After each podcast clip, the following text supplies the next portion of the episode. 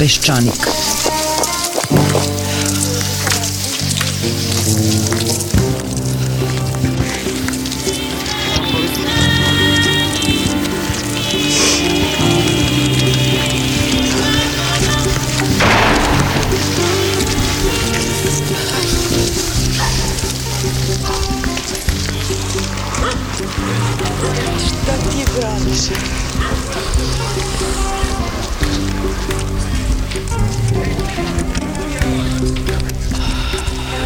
Peščanik.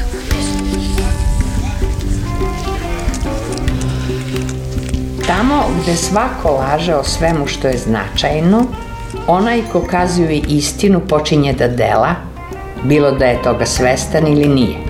Tako se i on upliče u političku delatnost, jer u slučaju da preživi što nije sigurno, on započinje promenu sveta. Latinka Perović je jednom izračunala da je Srbija za 115 godina u proseku, što tuđom, što sobstvenom voljom, ratovala na svakih 14 godina. Često se dešavalo da kada ne znamo kako da rešimo bedu i zaostalost svake vrste, krećemo u rat. Međutim, kako smo s tom vrstom nacionalnog sporta i razonode završili u Kumanovskom šatru pre 15 godina, ostali smo osuđeni na same sebe, odnosno na prokledstvo da gradimo iz dana u dan, iz nedelju u nedelju, iz meseca u mesec realnu srpsku državu. Međutim, kako to nikako ne ide, a ratovati ne možemo, našli smo zamenu, izbore. Kad god se vlast suoči sa realnim budžetom, realnim otplatama dugova, realnom bedom sada već miliona ljudi, a ne sme sve i da ume i da hoće da ugrozi pozicije svoje partijske vojske i glasača, objavljuje se rat. Svi juriš na izbore. Ili što bi rekao naš predsednik Nikolić, nek su vam srećni novi izbori i junaci. Ceo ovaj cirkus sa raspisivanjem vanrednih izbora odigrao se praktično za 72 sata. Najpre je 4000 ljudi na nekoj otačbinskoj upravi u svečanoj tišini čekalo završetak Vučićeve rečenice koja je označavala početak izborne kampanje, a onda se salom prolomio aplauz. Tih novih 1800 stalnih radnih mesta u javnom sektoru, koja su se svakog meseca otvarala tokom jeseni zime, koja su morali da deli sa Dačićevim ljudima, sada će biti samo njihova. To je racionalan razlog da se vole novi izbori i da svih 4000 ljudi bez jednog glasa protiv podrže vođu. Ali pitanje je šta se to desilo sa vođom. Aleksandar Vučić nam, kao što znamo, a ne smemo da pominjemo, nikada nije objasnio kako je od Savla postao Pavle, na kom putu za koji Damask se preobratio, a i da jeste objasnio, sada je potpuno jasno da to ne bismo mogli da razumemo. Kao što niko ne može da razume šta je on u stvari rekao kada je saopštio Urbi et Orbi da je vlada u kojoj je on bio prvi potpredsednik postigla istorijske rezultate, da sa koalicijnim partnerima nema nesuglasica oko najbitnijih stvari, ali da je vlada pala. Samo još to ne zna. Neverovatno je da ulazimo u još jedne vanredne izbore. Novu poganu kampanju kada će sve što diše pod partijskom zastavom biti angažovano u ovom našem mirnodolskom ratu. Ali, uzgred rečeno, svi ti vojnici su ujedno i civili koji umeđu vremenu treba da vode državu, ministarstva, opštine, železnice, bolnice i škole. A da niko nije postavio pitanje, ni novinari, ni politikolozi, ni analitičari, zašto izbori? Čemu izbori? Ni premijer Dačić, koji se svih ovih meseci nadmetao sam sa sobom kada će biti veći mangup, da li kada je odbrusio Srpskoj pravoslavnoj crkvi ili opoziciji ili Evropskoj uniji, ni glasa nije pustio, nije je uknuo. Da kaže, pa dobro, u čemu sam to pogrešio pa moramo sve da obustavimo i idemo na vanredne izbore. Možda je stvar u tome što ne sme, što zbog sebe, što zbog svojih partijskih drugova, jer vide šta se dešava bivšem ministru Raduloviću. Naprednjaci su mu zapretili hapšenjem onog trenutka kada se usudio da kaže kako je Vučićev kabinet neformalni centar moći koji je u stanju da promeni svaku odluku vlade i ministara koji gazdi ili nekome od njih nisu po volji. Vučić je u skladu sa svojim novim likom rekao da se ne slaže sa saopštenjem sobstvene stranke u kojoj se preti Raduloviću. I to je ta podela uloga. Vođa hoda po Beogradu na vodi, zahteva da njega, mučenika, odmah privedu na informativni razgovor i ispitaju Radulovićeve navode, nas da ga slobodno linčujemo ako je dinara ukrao, a za to vreme njegova partijska vojska maršira okolo i preti svima koji kaljaju ime i delo novog srpskog mesije. Da se vratimo na osnovno pitanje. Zašto vanredni izbori? Vučić kaže, prelomio sam zbog atmosfere u društvu. Koje atmosfere? Onda kaže, zbog toga što mi opozicija osporava legitimitet. A od kada to njega interesuje šta misli opozicija, odnosno demokratska stranka koju je kompletno kriminalizovao, koja je postala arhetip neprijatelja? Prvo su mu neprijatelji bili Ustaše, pa Balije, pa Šiptari, pa demokrate. koja opozicija, jer ona s kojom se s dosta prava i on i svi naprednjaci sprdaju. Opozicijom koja se raspala. Onda kaže, Dačić mu je nudio premijersko mesto, ali on neće bez narodne volje. Pa ko osporava da je velika većina narodne volje na njegovoj strani? Koliko mu volje, podrške ljubavi treba? Da li bi bilo dovoljno 100%? I šta ćemo onda, pevajući da živimo u siromaštvu i razvaljeni od države? Kad god vidim Vučića u poslednje vreme, on ako nije citiran, onda je nešto žalostan, tačnije melanholičan. Biti žalostan, kažu psiholozi, znači žaliti za nekim ili nečim što si imao pa izgubio. A biti melanholičan znači patiti, ali ne znati tačno za čim. Šta si tu izgubio? Šta ti to tačno nedostaje? Vučić očigledno misli da je to nekoliko procenata narodne volje više i zato idemo na izbore za koje se nisu potrudili da izvedu makar simulirajući proceduralnu pristojnost. Ustav, onaj nakradni koji su pisali u tajnosti sa demokratama, a onda svi zajedno lažirali referendum, poznaje četiri razloga zbog kojih se raspisuju vanredni izbori. Ostavka premijera, izglasavanje nepoverenja vladi na predlog najmanje 60 poslanika, Treći razlog je da vlada sama postavi pitanje svog poverenja u Skupštini i da ga ne dobije. I najzad četvrti, ovaj koji su izabrali, da vlada predsedniku predloži da raspusti Skupštinu. Izabrali su ovaj način jer jedino on omogućava da se izbori održe sredinom marta, kada je Beogradski, ali zbog toga što bi bilo nezgodno tražiti inače od sjajnog partnera Dačića da podnese ostavku ili od poslanika da glasaju protiv svojih ministara i šefova. U obrazloženju urgentnosti novih vanrednih izbora, vlada je najpre samo sebi pohvalila za, citiram, ispunjavanje višedecenijskog cilja mnogih generacija, a onda predložila da padne. Predsednik Nikolić je bio očaran jer je, kako je rekao, od početka smatrao nenormalnim da manja stranka daje premijera. Obećao da se neće mešati u kampanju, da su mu sva čeljad ista, ali ne i sve stranke i da će navijati za Vučića. Čim se farsa na Andrićevom vencu završila, počelo je odbrojavanje do martovske hida kada će Vučić dobiti ono za čim čezne, čist i jasan mandat naroda. Martovski ide, onomad su bile kopne za Julija Cezara. To se može desiti i Aleksandru Vučiću, samo na sreću neće biti ubijen, nego će mu samo ta isti narod presuditi na sledećim izborima, jer je dobio svu ljubav i podršku koju je tražio, a za uzvrat nije dao ništa više od još nekog tajkuna ili ozloglašenog političara u zatvoru. A to se, kao što znamo, na hleb ne može mazati. Zato bi Aleksandar Vučić morao da pazi šta želi, jer bi to mogao i da dobije, a to što će dobiti je bomba sa odloženim paljenjem. Umeđu vremenu je izmilo i Boris Tadić. Pošto nije mogao da sruši Đilasa, odlučio da napusti demokratsku stranku, ali pri tome nije smeo i hteo da napadne ni Đilasa ni ostale funkcionere demokratske stranke, bar za sada, jer ih je on birao, jer im je on davao da rade šta hoće. A uz to možda mu se neko i pridruži u novoj demokratskoj stranci koja stvara. Zato je ničim izazvan za sve kriminalne radnje od 2000. godine na ovom optužio Zorana Živkovića. Boris Tadić ovih dana liči na poludelu Gloriju Swanson, odnosno Normu Desmond iz Bulevara Sumraka, nekadašnju zvezdu nemog filma koja sanja da se vrati na filmsko platno i silazeći stepenice, maskirana u vamp divu, izgovara znamenitu rečenicu obraćajući se Sil Demilu. Gospodine Demil, ja sam spremna. I Tadić je spreman, pa ako ga se Vučić na dan bezbednosti seti seti, ako ne, onda ništa. Da rezimiramo. Pre godinu i po dana imali smo izbore, pa smo onda mesecima pravili vladu, pa smo odmah krenuli konstrukciju te vlade, pa smo onda raspisali nove izbore. Umeđu vremenu, u mnogim varošima i gradovima dešavali su se dnevno ili novi izbori ili takozvano upodobljavanje lokalnih vlasti sa republičkim. Umeđu vremenu je takođe jedan od Nikolićevih sinova smenjivao i postavljao funkcionare Srpske napredne stranke po javnim preduzećima. To je suludo ponašanje i to u momentu kada se svakoga dana stotine firmi gasi, kada dug raste, krediti stižu na naplatu, kada svakoga dana hiljade ljudi gubi posao, kada toliko osiromašuje da zaovek prelazi liniju horizonta i upada u crnu rupu iz koje nikada neće izaći. I zbog toga su strašni ti martovski izbori. To neće biti samo izbori, nego i naš dans makabr. Na poziv ćemo zaigrati još jednom, a onda se vratiti tamo odakle smo i došli. I tako do sledeće noći veštica. Na početku današnjih peščanika slušate profesorsku prava Vesnu Rakić-Vodinelić.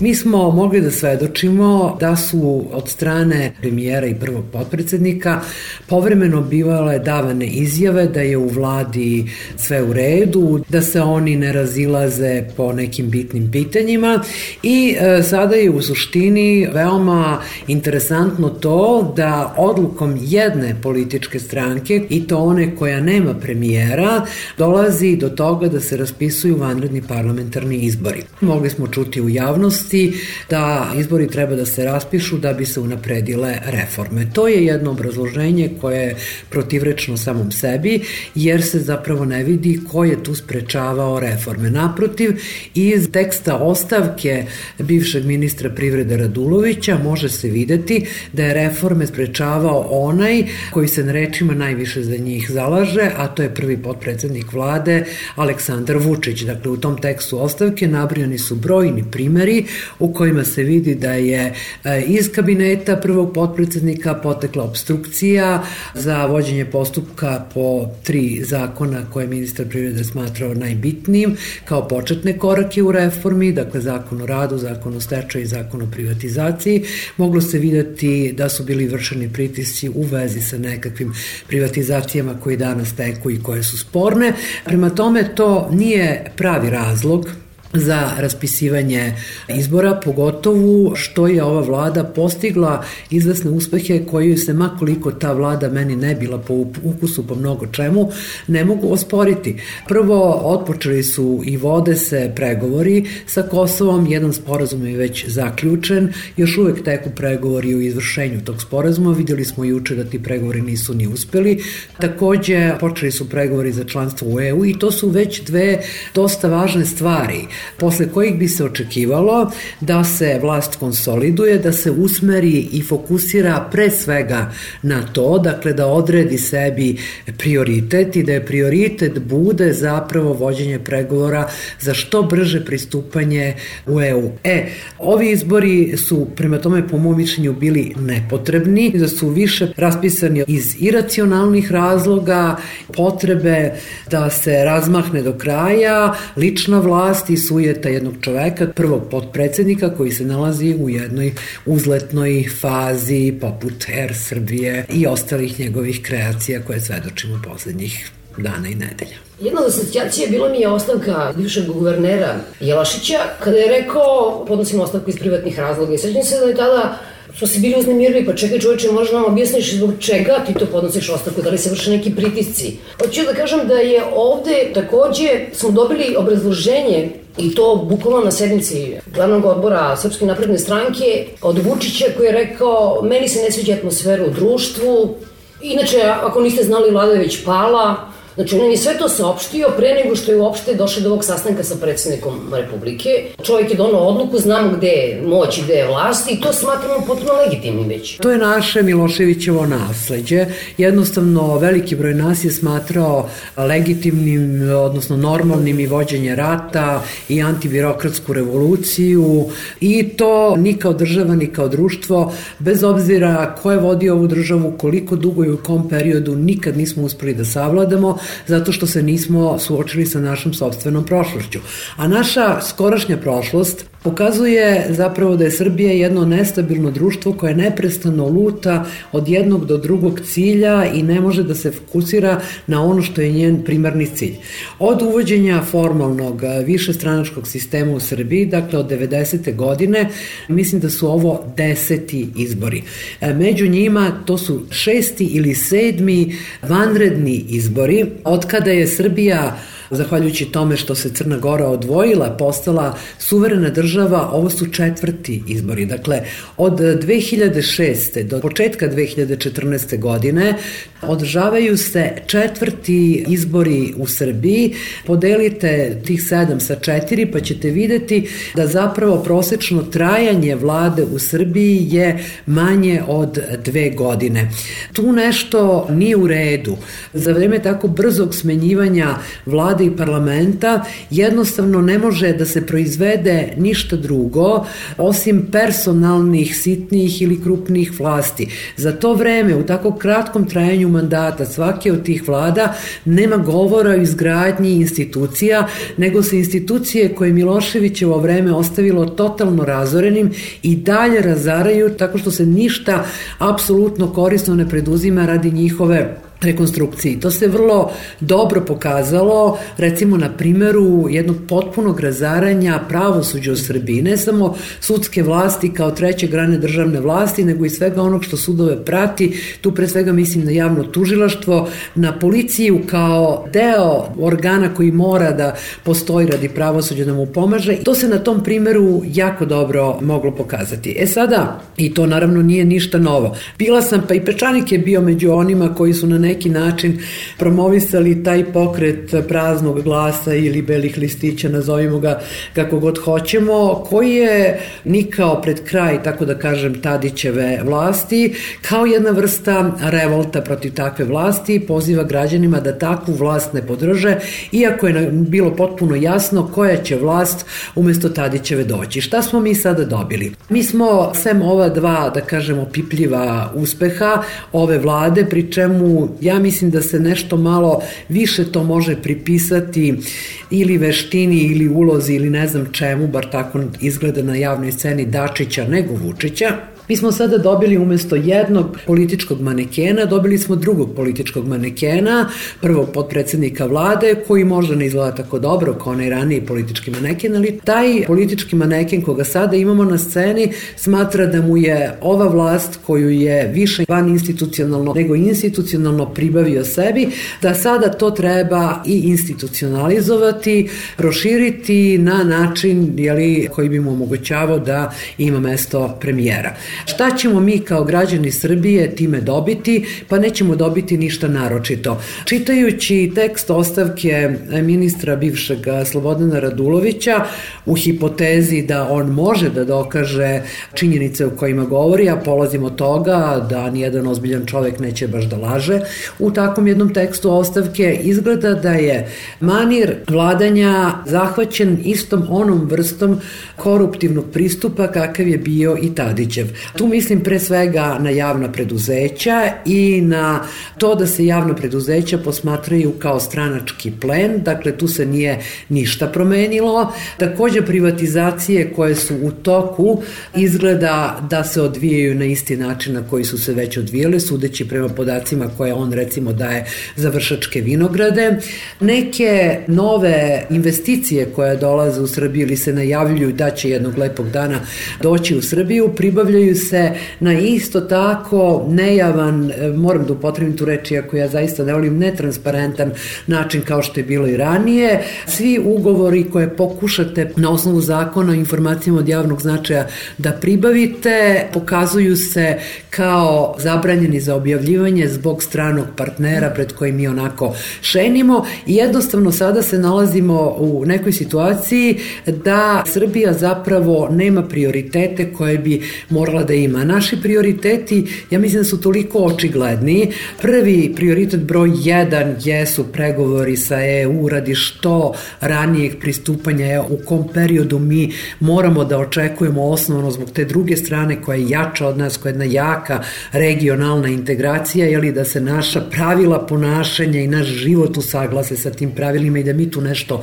dobijemo u civilizacijskom smislu reči. To su naši, tako da kažem, strateški prioriteti. E sad imamo mi jako mnogo i nekih drugih prioriteta od kojih zavisi naš svakodnevni život na jedan veoma sirov način. Evo, gledamo sada šta se radi u Beogradu. Sad imamo bal na vodi i sad kada gledate onu lepo napravljenu rekonstrukciju, je meni je palo u oči da tu uopšte nema železničke stanice.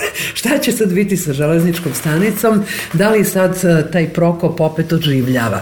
Meni se nekako čini da pokušavamo da napravimo nekakve kule u vazduhu ili neka Potemkinova sela, a da nismo rešili e, zaista osnovne probleme. Recimo, jedan od osnovnih problema u Beogradu kako od tačke A do tačke B doći što brže, sa što manje telesnih povreda, nerviranja i tako dalje.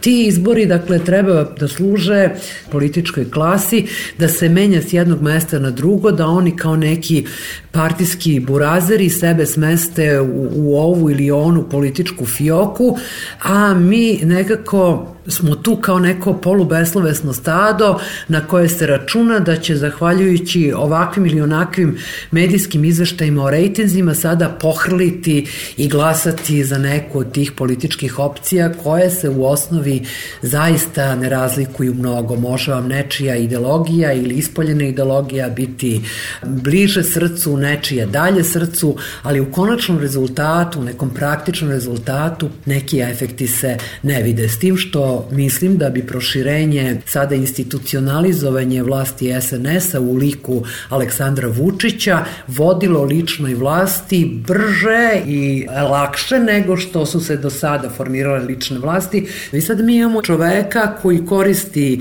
e, svaku moguću političku situaciju da proširi granice svoje lične vlasti, jer tako ne pitajući se, iako ih pominje vrlo često u svojim javnim istupanjima, da li on sada za zapravo zloupotrebljava kakve takve institucionalne granice ili ih ne zloupotrebljava, pa dobro što se on ne pita, hajde, ali ne vidim zašto se mi ponašamo tako. Kad kažem mi, mislim na građane, mislim na medije, pa mislim i na neke stranke koje bi morale biti opozicione stranke. Sada jedna od tih stranaka, demokratska stranka, je dovedena u jednu vrlo tešku situaciju zahvaljujući njenom bivšem predsedniku i njenom šta više sadašnjem i počasnom predsedniku, jednim gestom koji, kako da kažem, među ovaj pristojnim svetom se nikad ne pokušava, dakle da se pred izbore, tada pred Beogradske, koji su važni za svaku stranku, rukovodstvo stranke promeni na jedan način koji je osuđen u napred na propast, jer se toj stranci nudi da je vodi neko drugi da bi se pridružila vladajućoj stranci, mislim ovde na SNS. Pa to je nešto što se protivi ljudskoj prirodi. I to je pokazalo koliko su besmislena prebacivanja koje su vršena prema nama belim listićima, da smo doveli na vlast, ne znam, ove Lione, Nikolića, Vučić i tako dalje. Ne, Dovela ih je demokratska stranka koja je do te mere razorena da je bilo moguće čak da se jedna trećina njenog glavnog odbora opredili za to da bude bliža vladajućoj stranci, iako je objektivno ta stranka u opoziciji. I to je nešto što među boljim svetom, da upotrebim tu otrcanu frazu, se ne radi. A urađeno je dok je pod navodnicama odluku o izborima donosio SNS, mi nismo ništa mogli da čujemo, osim toga da Vučić hoće da se proveri volja građana, pa sad ta provera će malo duže da traje i da nas malo više košta, i da je to neophodno zbog toga što će se brže provesti reforme, bez naznačenja koje smetnja tim reformama, pa koliko sam mogla da pratim, taj isti Radulović za koga sad iz SNS-a tvrde da je bio smetnja reformama, doveden je upravo e, s njihove strane i kakva je sad njihova odgovornost zbog svega toga, to je opet jedna od tačaka o kojoj niko ne postavlja nikakvo pitanje. Upravo u tom tekstu obrazloženja ministra Radulovića pominje nekoliko puta kao glavni problem ili glavna kočnica reformama i, i kao neka paralelna institucija kabinet e, prvog potpredsednika. Malo me podsjeća na ono što smo zvali ranije kod Tadića dvor. U ranijoj, tako da kažem, vlasti imali smo jakog predsednika države, slabog predsednika vlade, premijera, Ovde sada imamo jakog prvog podpredsednika vlade, relativno, da kažemo, ipak više dekorativno nego stvarnog predsednika Republike, a sve vreme imamo isti ustav i sve vreme imamo iste zakone. E pa to je, ja mislim i za lajka jasno, da se zapravo sve te pojave grade i žive mimo institucija. Isto kao što je postojao skup ljudi oko ranijeg predsednika Republike koji je bio paralela ne samo vladi nego i stranačkoj strukturi demokratske stranke, tako imamo i taj kabinet prvog predsednika koji je verovatno paralela i premijeru i ja ne poznajem naravno stranačke prilike u SNS-u, ali moguće je i stranačkoj strukturi Srpske napredne stranke. Dakle, to je sve delovanje mimo institucija koje je daleko od vladavine prava za koju se nominalno ovde svi zalažu. Niko nije rekao hoćemo nepravnu državu, nego baš hoćemo pravnu državu. Dakle, to je prosto nešto što se dešava pred našim očima. U politici, ja mislim, više nego u bilo kojoj ljudskoj delatnosti postoji ta svest da cilj opravdava sredstvo. Evo ja se prisećam samo jednog vrlo svežeg primera kada je najavljena ova velika investicija u Beograd na vodi, pa je neko postavio pitanje od novinara, pa dobro, da li je bio neki tender, kako je do toga došlo. Svećam se odgovora baš tog prvog podpredsednika vlade, prosto se naljutio na takvo jedno pitanje i rekao, pa šta vi mislite da mi tako lako možemo da dođemo do investicija, pa koga vi imate u vidu, pa ko nudi 3 milijarde eura. Sve je u hipotezi da zaista neko nudi 3 milijarde eura, ali to je potpuno pogrešna hipoteza jer niko ništa ne nudi, neko hoće da investira da bi zaradio. Tako bi mogo odgovoriti Mišković, koga on fokusira kao svog najvećeg neprijatelja. Pa ko bi mogao da kupi to i to osim mene? Tako bi mu mogli odgovoriti ranije vlasti, pa što da raspisujemo tender ili što da ga ne nameštamo kad niko nije mogo da da toliko para koliko se recimo dalo u Fiat. To, pre svega, da li će neki strani investitor uložiti novac u Srbiju, to ne bi trebalo da bude posao vlasti. Naravno, imaćemo možda neke koristi ako do toga uopšte dođe. Naravno, ako to nije fantazmagorija, a ima dosta elemenata da jeste. Dakle, e, mogli bi da dobijemo nekakva radna mesta, mogla bi država da ostvari jedan možda i značajan prihod od PDV-a i sve bi to bilo u redu, ali šta mene briga? Koji će investitor XY investirati svoj privatni novac radi ostvaranja nekakve bilo kakve privatne investicije u slučaju neproizvodni iz koje će on izvlačiti profit. Pa to nije državna stvar. Državna stvar su investicije u infrastrukturu kao što je saobraćaj, kao što je otpad, kao što je upravljanje tim otpadom, kao što je zaštita životne sredine. To je ono o čemu mora da brine država. Ajde, mi smo sad u kapitalizmu, pa šta mene briga ko je uložio nekakav novac, ako nije u pitanju kredit, naravno državni, onda treba da se bavi. Ali ako u pitanju nekakva investicija, pa to je problem tog investitora. Možete vi biti atraktivni za investitora i nikad nećete biti dovoljno atraktivni ako ne napravite jedno ekonomsko i pravno okruženje koje može da traje duže od dve godine. Da bilo ko ko dolazi ovde, ako uopšte takvih ima, zna sa čim može da računa.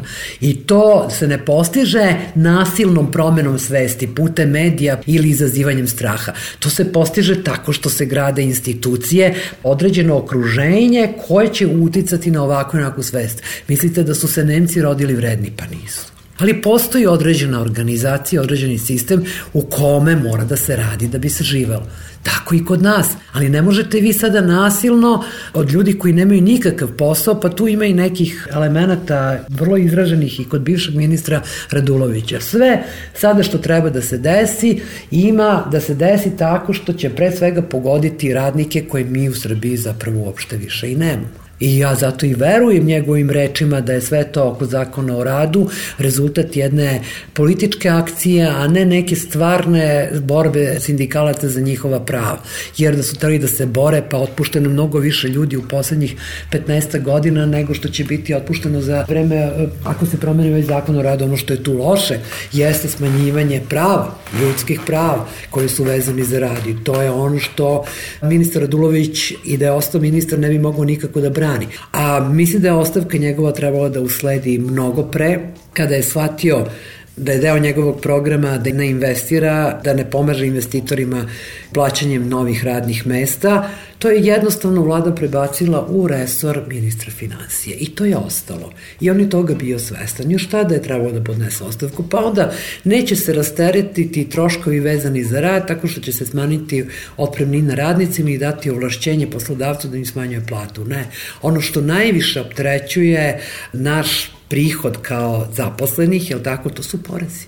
i doprinosi. Doprinosi je samo druga reč za porez. To opet nije u njegovom resoru. I ako je shvatio da vlada ne može da radi kao tim, pa nije trebalo da odsustvoje za tih sednica, nego da tresne ovu ostavku još negde u oktobru, novembru mesecu. Tako da, kako da kažem, i ljudi koji imaju najbolje namere i možda imaju neku viziju šta treba da se uradi, nekako nemaju sliku celine i ovo što pričam ja sam u stvari pročitala od e, čoveka koji je za razliku od mene mnogo znao ekonomiji, a to je ZEC. Jednostavno kad se idu neke reforme, te gobe moraju da se distribuiraju na što veći broj ljudi, sve ostalo je nepravda. Šta sada? Šta su argumenti da se izlazi na izbore, šta su argumenti da se ne izlaze, ako se ne izlaze, da li to, mislim, da li se abstinira, da li su to beli listići, šta se promenilo uopšte u odnosu na prethodne izbore? Ako bih htela da prenesem neke pre svega moje emocije u odnosu na ove izbore, ja sam već kazala, smatram ih nepotrebnim, zato što nema ipak nekakvog opravdanog razloga za njihovo raspisivanje budući da stvarno ta vlada nije pala. I ono što bih najviše volila da uradim jeste da jednostavno u celoj toj stvari ni na koji način ne učestvujem, mislim na parlamentarne izbore pre svega, a ne na lokalne izbore za Beograd. S druge strane, moram sad, ja sam svim jasno i otvoreno da kažem da akcija koja je bila započeta sa belim listićima nije bila uspela. Beli listići nisu uspeli da prebace čak ni 5%. Ono što oduzima legitimitet svakoj vlasti, to je slaba izlaznost, bez obzira da li ona posledica svesne odluke da se ne ide na izbore ili svesne odluke da se izaće pa da se precrta. Baš na vašem sajtu sam pročitala jedan odličan tekst koji otprilike kaže ako bi na izbore izašlo 20% birača, to bi onda izborima oduzelo svaki legitimitet i nijedna vlast koja bi na taj način mogla da se formira, mogla bi, jer cenzus za parlamentarne izbore ne postoji, ne bi mogla da se diče time da je legitimna vlast. Međutim, ako se dve još uvek, ajde ili tri najveće stranke u Srbiji saberu, to su Srpska napredna stranka, to je Socijalistička partija Srbije i to je Demokratska stranka i ajde stabilnih 7 do 8% Demokratske stranke Srbije, to znači da bi te stranke koje imaju relativno poslušno biračko telo, tu malo izuzimam Demokratsku stranku, mogle da izvedu na birališta najmanje oko 40 do 50% ljudi. I to onda naravno jeste vlast koja se ne može smatrati nelegitimnom. Dakle, ako ostaje moje emocije po strani, da mi se sve to gadi, da ne razumem o čemu se radi, čini mi se da na ove izbore treba izaći i sada ono što je moj politički kredo, mislim da na ove izbore treba izaći na anti-Vučićevskoj platformi. Izgleda da će morati da je formira demokratska stranka, bar onaj njen deo koji se nalazi pod ingerencijom Dragana Đilasa, jer su oni na tome i izvojevali pobedu. Ko još drugi, to je vrlo teško reći. Zašto antivučićevska platforma? Zato što je on uprkos tome što je vlada postigla dva uspeha o kojima sam govorila, umesto da se fokusira na pregovore sa Evropskom unijom, počeo da se ponaša kao njegov prethodnik, a to znači kao politički maneken. Kad je njegov prethodnik u pitanju bio, ja sa mojim političkim pogledom na svet sam od njega dosta očekivala, on je sva ta očekivanja izneverio, od Vučića ne očekujem ništa naočito dobro, izuzev da bude kooperativan sa Evropskom unijom. Da li će to biti na dovoljan način ili ne, mislim da će pokušati pokušati isto kao i Tadić da bude što je manje moguće kooperativno, da ipak ne ugrozi ceo taj proces i onda mi se čini da ću još uvek to ne znam, ali verovatno na ove izbore izaći i glasati za stranku, blok, koaliciju, kako god hoćete, za koju najviše verujem da je protiv Vučićevske platforme u Srbiji. Kada je reč o belim listićima, naravno da različiti ljudi su to različito definisali, ali u principu oni su proistekli iz činjenice da su izbori postali besmisleni sami po sebi s obzirom na činjenicu da su sklapane koalicije kad je kome palo na pamet da niko nije ni vodio račun o tome kako su ljudi glasali, da su sve stranke slične ili iste. E sad, umeđu vremenu šta se promenilo pa da ti ljudi više nemaju argument? Jer demokratska stranka od koje se očekivalo da se konsoliduje se dodatno raspala. Nije se Bog zna šta promenilo, izuzev što se meni čini, a možda se varam, da su makar neki funkcioneri demokratske stranke shvatili da ne smiju više da budu neodgovorni kao što su bili njihovi prethodnici. Pokušaj da se stvore nove političke stranke koje bi negovale kao svoj prioritet politički legitimitet postoji, mislim ja sam članica jedne nove stranke koja se baš tako zove Nova stranka, ali naravno to je stranka koja, bilo zato što izgleda kao krajnje abstraktna, jeli, i posvećena negovanju određenih vrednosti ili zato što se ne pojavljuje dovoljno u medijima. Ima strašno mali broj ljudi koji su spremni za nju da glasaju, ali ono što se jeste promenilo, meni se čini u demokratskoj stranci da su neki ljudi, ne znam da li Đilas, zaista ne mogu to da kažem, shvatili da neodgovorno ponašanje je ponašanje koje će biti kažnjeno. Motivacija za bele listiće je bila vrlo široka, od potrebe da se kazne, oni koji su najviše izneverili očekivanja do neke potrebe da se eto skrene pažnja na to da i u toj stranci koja se zove demokratska, koja je imala Zorana Đinđića na svom čelu, da postoji deficit političkog legitimiteta. I to je bio razlog za mene. To je jedan abstraktan razlog, znate, to je razlog koji ne može da se opipa i koji imaju senzibilitet samo ljudi koji ne očekuju, tako da kažem, praktičnu promenu politike u jednom ili dva izborna ciklusa, nego pokušavaju da vide malo neku budućnost, a mi smo svi ljudi, naši životi su ograničeni i ja zaista nekako više verujem u politički instinkt ljudi koji su različiti od mene, koji dakle očekuju nešto da vide u toku svoga života. Ja sam to prestala da očekujem, možda zato što imam suviše novo godina, ne znam.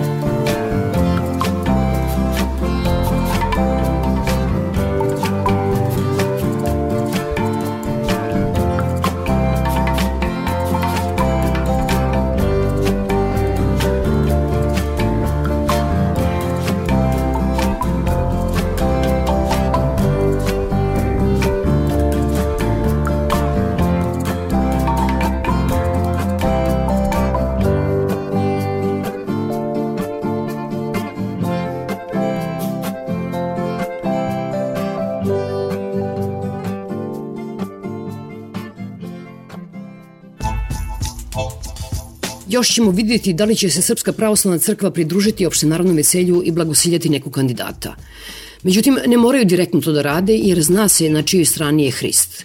Nije na Dačićevoj, nije na Đilasovoj, Koštunica je zanemoćali apostol, ostaje im, ako ne direktno Vučić, onda Nikolić koji im daruje crkvu u svojoj avli u rodnom selu. Za razliku od Dačića, i Vučić i Nikolić su znali da nije pametno kačiti se sa Božim izaslanicima na zemlji, jer mogu da završe kao predsednik Crnogorskog parlamenta Krivokapić, koga je na fresci u Novom Podgoričkom hramu Amfilohije nasrtao kako sedi u paklu, đavolu u krilu. Đukanović je kao dobar ktitor dobio mesto odmah iza patrijarha Srpskog Vaseljanskog Moskovskog i Amfilohija koji lično i personalno Hristu Bogu daruje hram.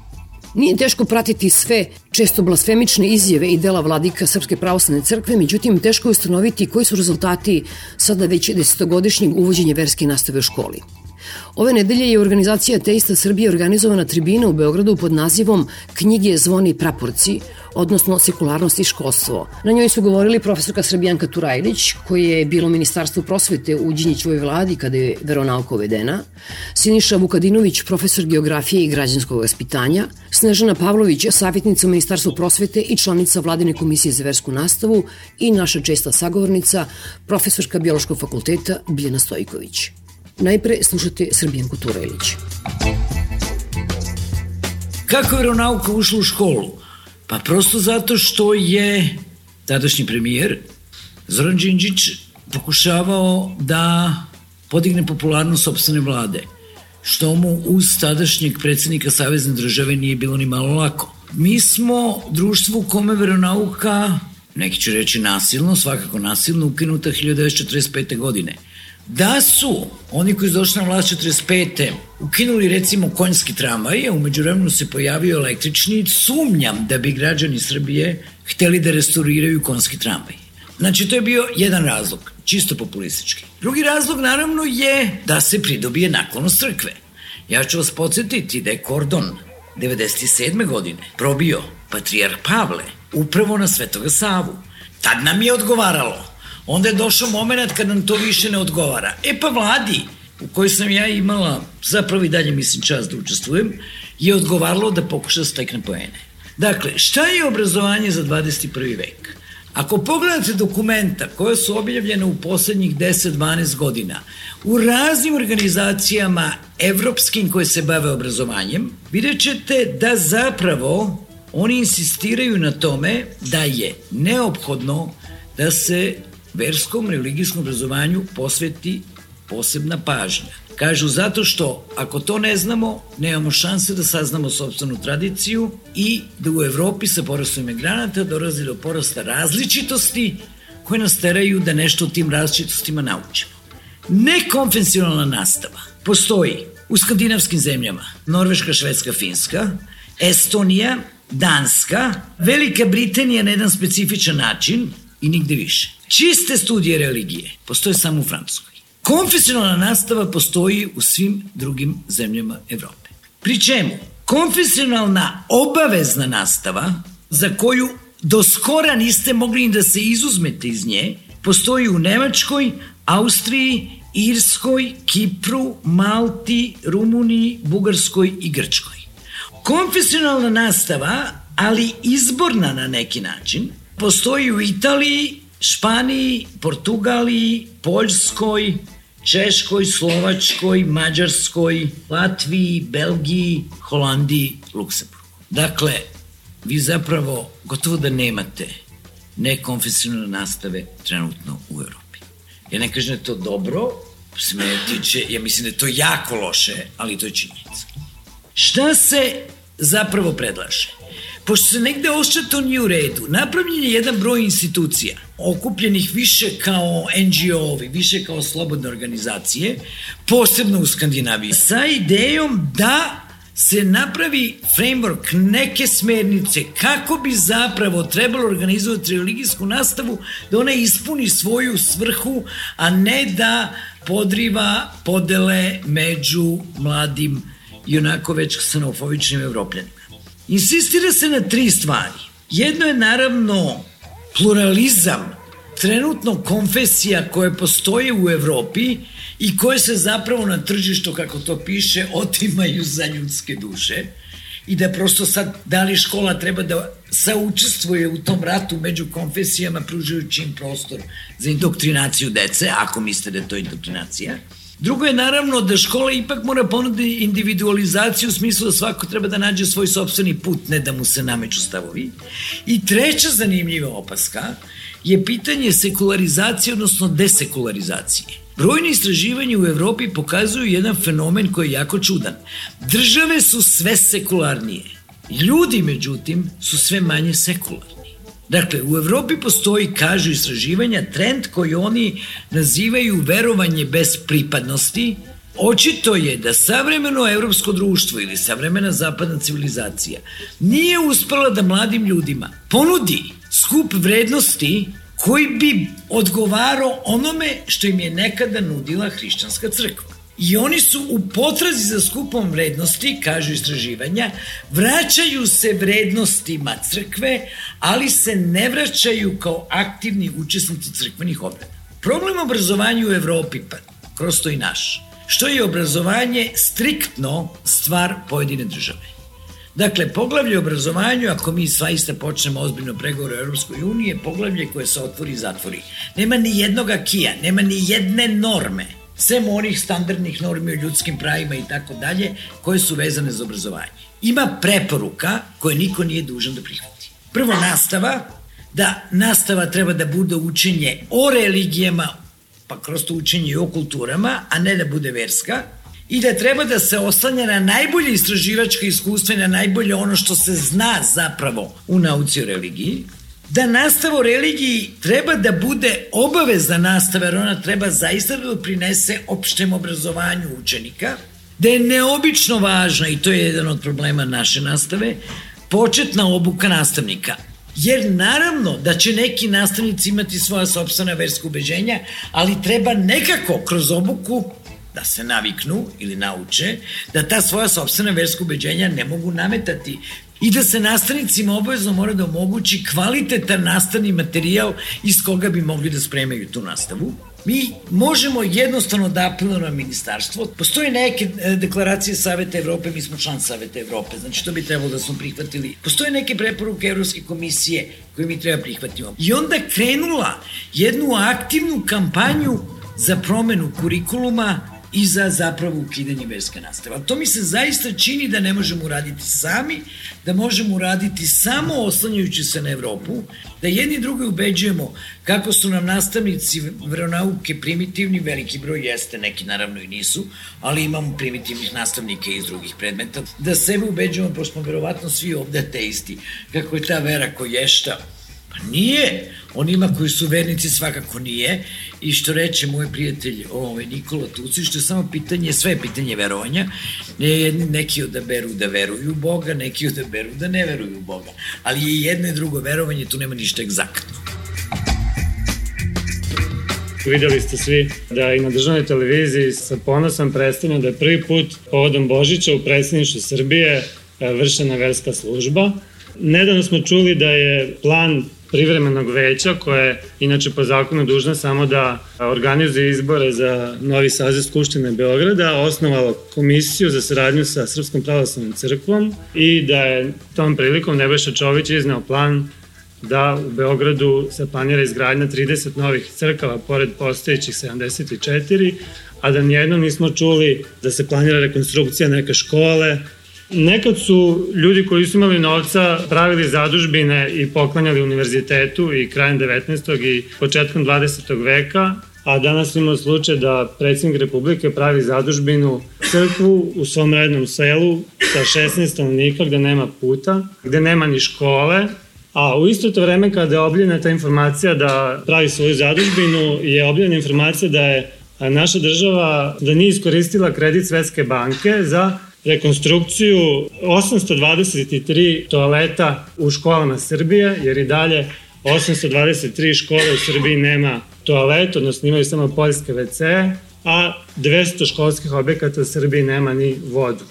Kako je stanje u, u školstvu danas što se tiče sekularnosti? Mislim da nije tu problem samo verske nastave, koja je po nekima možda i zamišljena da se uči o istoriji religije. Danas časovi vjeronauka uglavnom počinju sa molitvama. Tako blizu crkva odlazi se u crkvu na versku službu.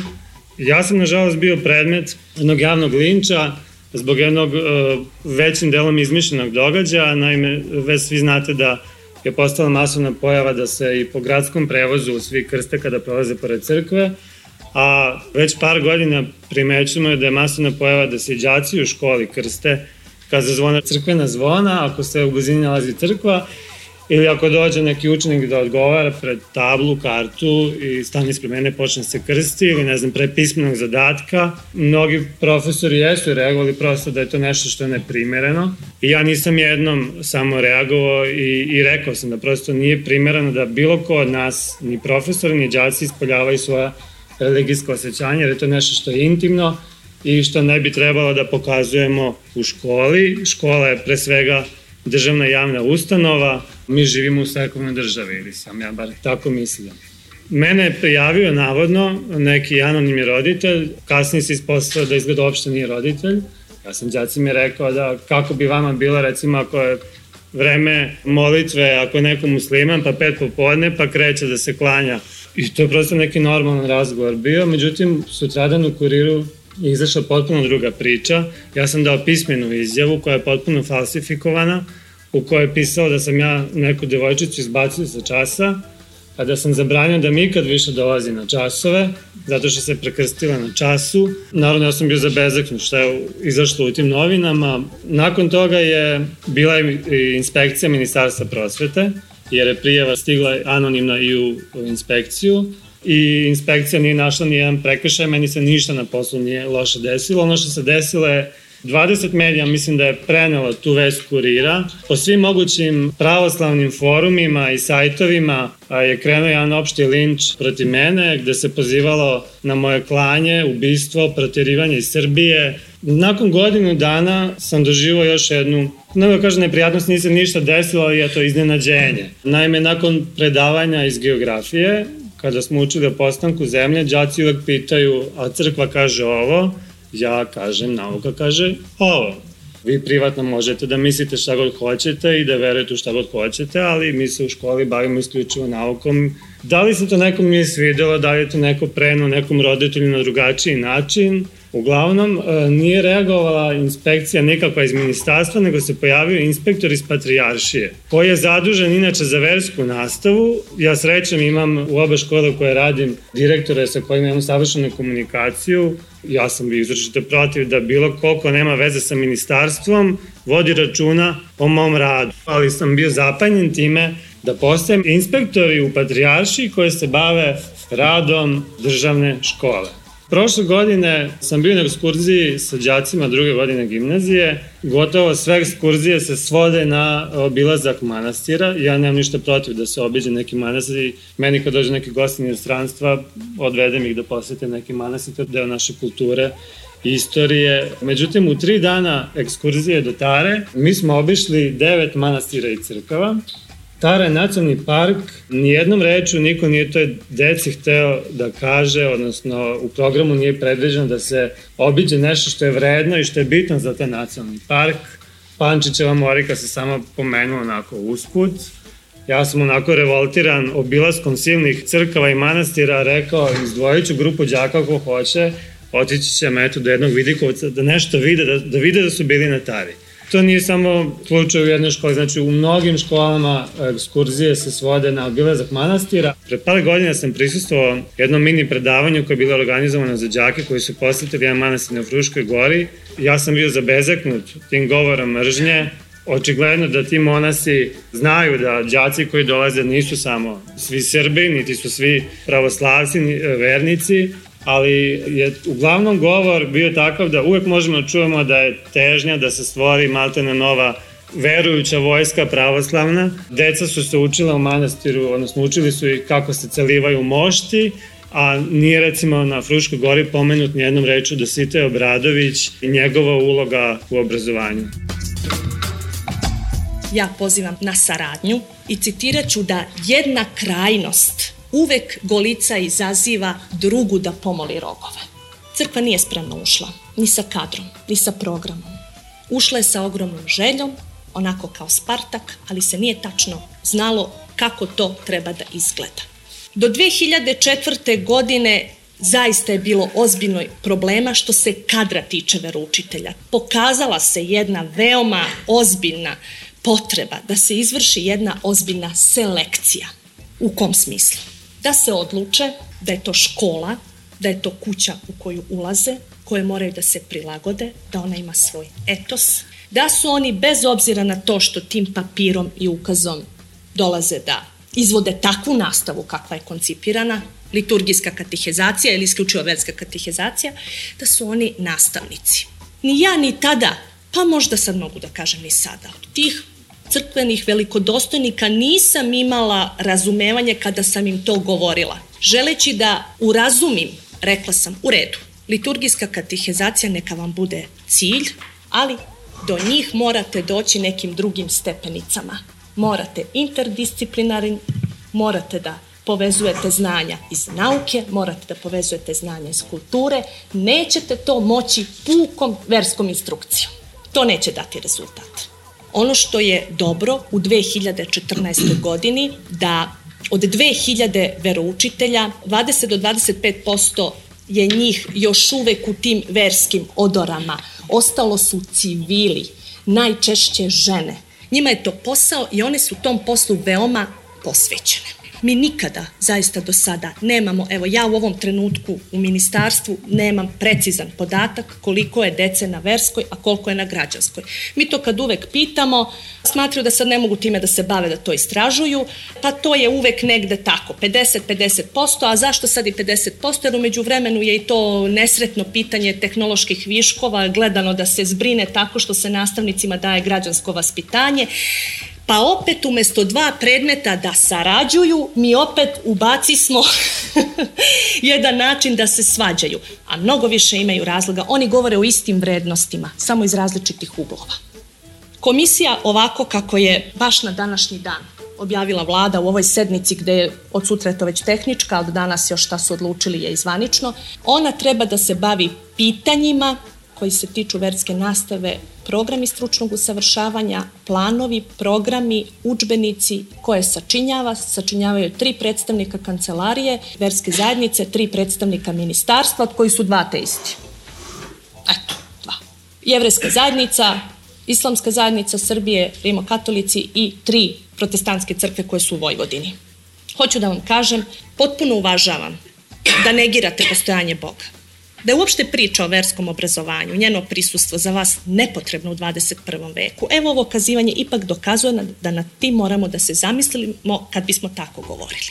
Ono što jeste, da bar ako imamo tolike proizvode, materijalne i duhovne kulture na ovoj zemaljskoj kugli, koje je de facto neka pobožnost gradila i pisala i stvarala. I nikako da ispustim sada osnovno bar kao vernik, pravo lične slobode da se neko opredeli. Sekularnost apsolutno ne znači zabranu religije. Takođe, sekularnost jeste sigurna osnova za pluralnost i u religijskom smislu i svakom drugom. Klerikalizacija društva, međutim, nije nešto što osigurava pluralnost u jednom društvu, zato što klerikalni sistem podrazumeva religijsku dogmu jedne konfesije koja postaje ideologija društva i sama po sebi ne garantuje toleranciju i prihvatanje različitosti. Dakle, ovde je važno naglasiti da sekularnost podrazumeva da Naravno, ljudi imaju pravo da budu vernici, imaju pravo da pripadaju bilo kojoj konfesiji, imaju pravo da idu u crku, imaju pravo da budu i ateisti. Sekularno obrazovanje samo po sebi jeste zamišljeno tako da ima tri osnovna elementa, a to je racionalnost, humanost i pluralnost. Racionalnost podrazumeva da se prosto deca uče da na osnovu nekih pravih materijalnih činjenica, bez obzira da li se radi o prirodnim ili društvenim naukama, povezuju stvari, kritički razmišljaju, izlače neke zaključke koji jesu zasnovani na racionalnim podacima. Sama humanost po ideji sekularnog obrazovanja bi proizilazila odatle tako što se deci prezentuju sve kulture, sve religije, oni su izloženi, trebalo bi da budu izloženi tom mnoštvu podataka koji govore o različitosti kultura, različitosti religija i u tom smislu oni bi trebali da razvijaju i toleranciju i humanost baš zato što razumeju da su oni samo jedan od oblika u mnoštvu i na taj način razumeju i pluralnost i postaju tolerantni ljudi. Ja bi se složila sa Sabijenkom da bi taj nekonfesionalni sistem verskog obrazovanja bio najbolji sistem, jer on podrazumeva istoriju religije, učenje različitih vrednosti i kultura. To jeste prosto najbolja moguća stvar i jako važna stvar upravo za razvijenje tolerancije i osjećanja da niste vredniji od bilo koga drugog zato što ste pripadnik jednog čopora, a ne nekog drugog. Ako mi nemamo sekularnu atmosferu u društvu, mi imamo klerikalizaciju, pa makar i puzeću klerikalizaciju u školi. Zato što škole i nastavnici koji rade u školi jesu reprezenti društva. I ako vi imate društvo u kome crkva delegira svoje predstavnike u različita tela koje se ne tiču uopšte crkvenih pitanja, vi zapravo pravite atmosferu u društvu koja ni najmanje nije sekularna. Imate nastavnike koji misle da ono što se protivi religijskoj veri ne treba ni da predaju u školi, a to je sada stanje stvari. Imate zamerke, to sam ja lično doživjela, da ateista ne sme da bude profesor univerziteta, verovali ili ne. I dotle smo stigli. Takođe, čitala sam intervju pred Božić. Profesor Bogoslovskog fakulteta je vrlo otvoreno rekao da se crkva ne miri sa sekularnošću. I to je nešto što i nastavnici, evo sad smo čuli primer, ali na biologiji je naravno situacija takođe čudna. Ne mislim sada na biološki fakultet, mislim na nastavu biologije u školama. Zaista su deca u problemu, jer kada uče o evoluciji, ukoliko se nastavnik i usudi da im nešto priča o evoluciji, oni prezentuju ono što su čuli na veronauci. Dakle, programi veronauke se apsolutno upliću u programe, školske programe nauke. Kritika Darvina, kritika Kopernika, znači to je jedno šizoidno stanje koje je trenutno je zastupljeno u našim školama. Da na časovima nauke uče jedno, a na časovima veronauke dobiju potpuno obrnutu sliku, ja ne znam šta onda očekujem od dece. Ono što je takođe važno je to da razumemo da sekularno obrazovanje naročito insistira na kritičkom mišljenju. To je nešto što sekularno obrazovanje mora da neguje, međutim to je u značajnoj meri uzdrmano veronaukom kakva jeste danas u školi. Znači, kod nas u školi veronauka jeste propoved, veronauka podrazumeva suprotstavljanje naučnim znanjima, što je zaista daleko, daleko prevaziđen jedan koncept, ali Srpska pravoslavna crkva jeste u predmodernom stupnju, dakle oni nisu otvorili svoja vrata za razumevanje nauke, za razumevanje onog što podrazumeva moderno društvo. Ja ću vas podsjetiti, 2007. godine u Savetu Evrope bio je ponuđen na, na potpis, na verifikaciju svim članicama Saveta Evrope, između ostalog i Srbiji, jedan dokument koji su stvari bavio opasnostima od kreacionizma u obrazovanju. To je 2007. godina. To naša država nije potpisala. Pitanje je zbog čega naša država nije to potpisala ukoliko je u obrazovanju religija odvojena od nauke. Dakle, ovo je jedan dokument koji se upravo ticao tog problema zbog čega država Srbija nije potpisala dokument koji bi trebao jasno da nas opredeli da kaže kod nas jeste obrazovanje sekularno. To je jedno pitanje na koje bi moralo Ministarstvo prosvete da odgovori.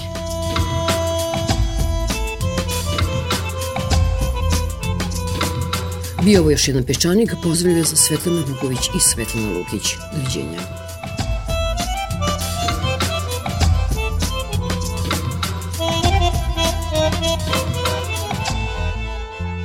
Peščanik